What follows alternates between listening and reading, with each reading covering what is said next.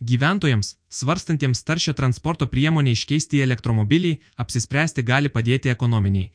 Aplinkosauginiai argumentai ir valstybės parama įsigijant elektromobilius bei jų įkrovimo stoteles. Aktualu žinoti. Elektromobilis kainuoja iki 20 procentų brangiau, palyginti su tokios pačios klasės benzininiu automobiliu.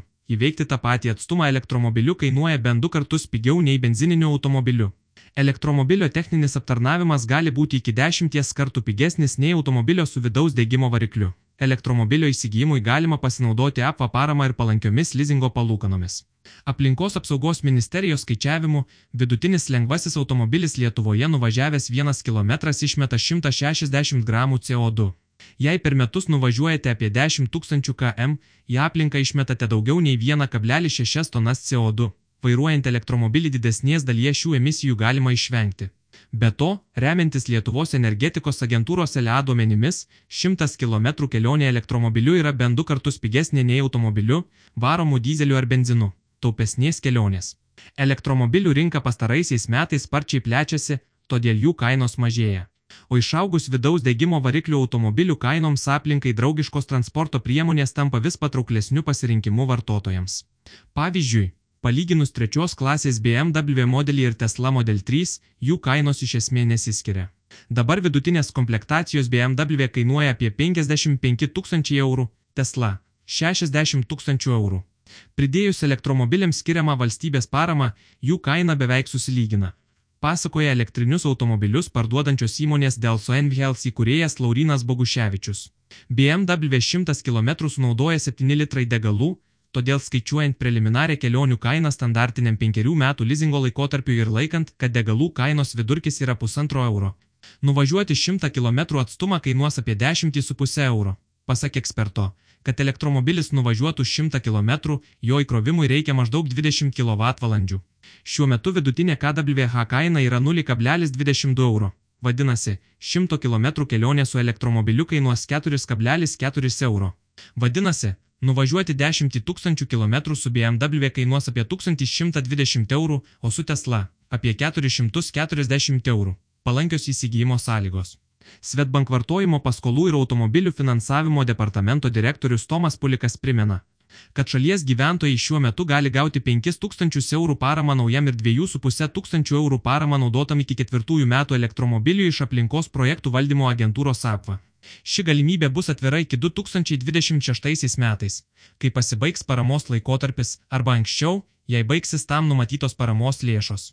Tuo metu LA teikia paramą įkrovimo stotelėms įsigyti, Gyventojai gali teikti paraiškas ir gauti 40 procentų paramą, jei įrengia įkrovimo vietą prie individualaus namo ir net 60 procentų, kai įkrovimo stotelė įrengiama daugiabučio kieme, stovėjimo aikštelėje ar garaže. Elektromobilių pirkėjai taip pat gali pasinaudoti palankesnėmis lizingo sąlygomis, apsvarstyti įkrovimo klausimą.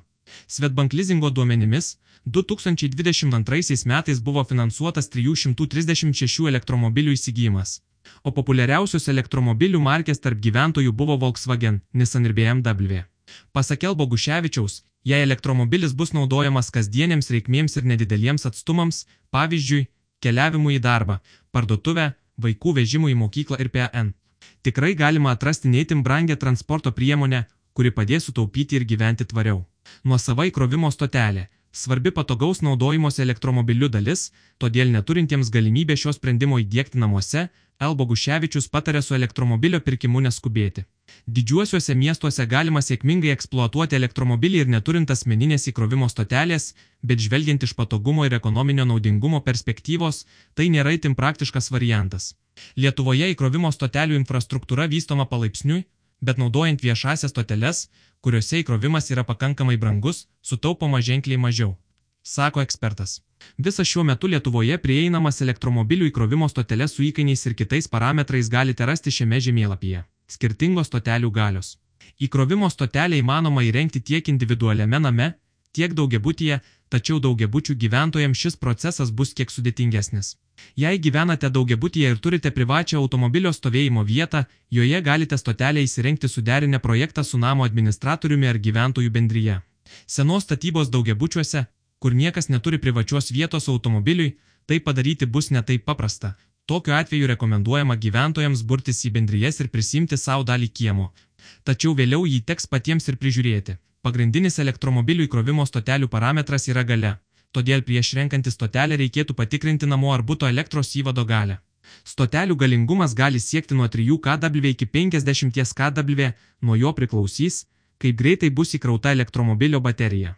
Lieto įkrovimo stotelės iki 3 kW 30 kWh talpos bateriją įkrauna per 10 valandų, su jie vairuotojas gali įveikti maždaug 150 km atstumą. Sklandžiam tokio tipo stotelės veikimui pakanka tvarkingo namų elektros įvado su įžeminimu, o įkrovimo įranga kompaktiška. Jų kaina siekia maždaug 300-500 eurų. Vidutinės galios stotelė 722 kW galima ir didesnės talpos elektromobilio bateriją įkrauti per santykinai trumpą laiką, pavyzdžiui, per naktį. Tokia galia bus tinkama norint iš karto įkrauti kelis automobilius. Tokios galios stotelių kainas vyruoja nuo 750 iki 1500 eurų. Greito įkrovimo stotelės 50 kW ir daugiau elektromobilį įkrauna maždaug per pusvalandį ir leidžia nukeliauti apie 100 km atstumą. Tokio tipo įrenginiai ypač aktualūs greito įkrovimo jungti turinčių elektromobilių vairuotojams, tačiau yra ženkliai brangesni. Jų kaina gali siekti keliolika tūkstančių eurų.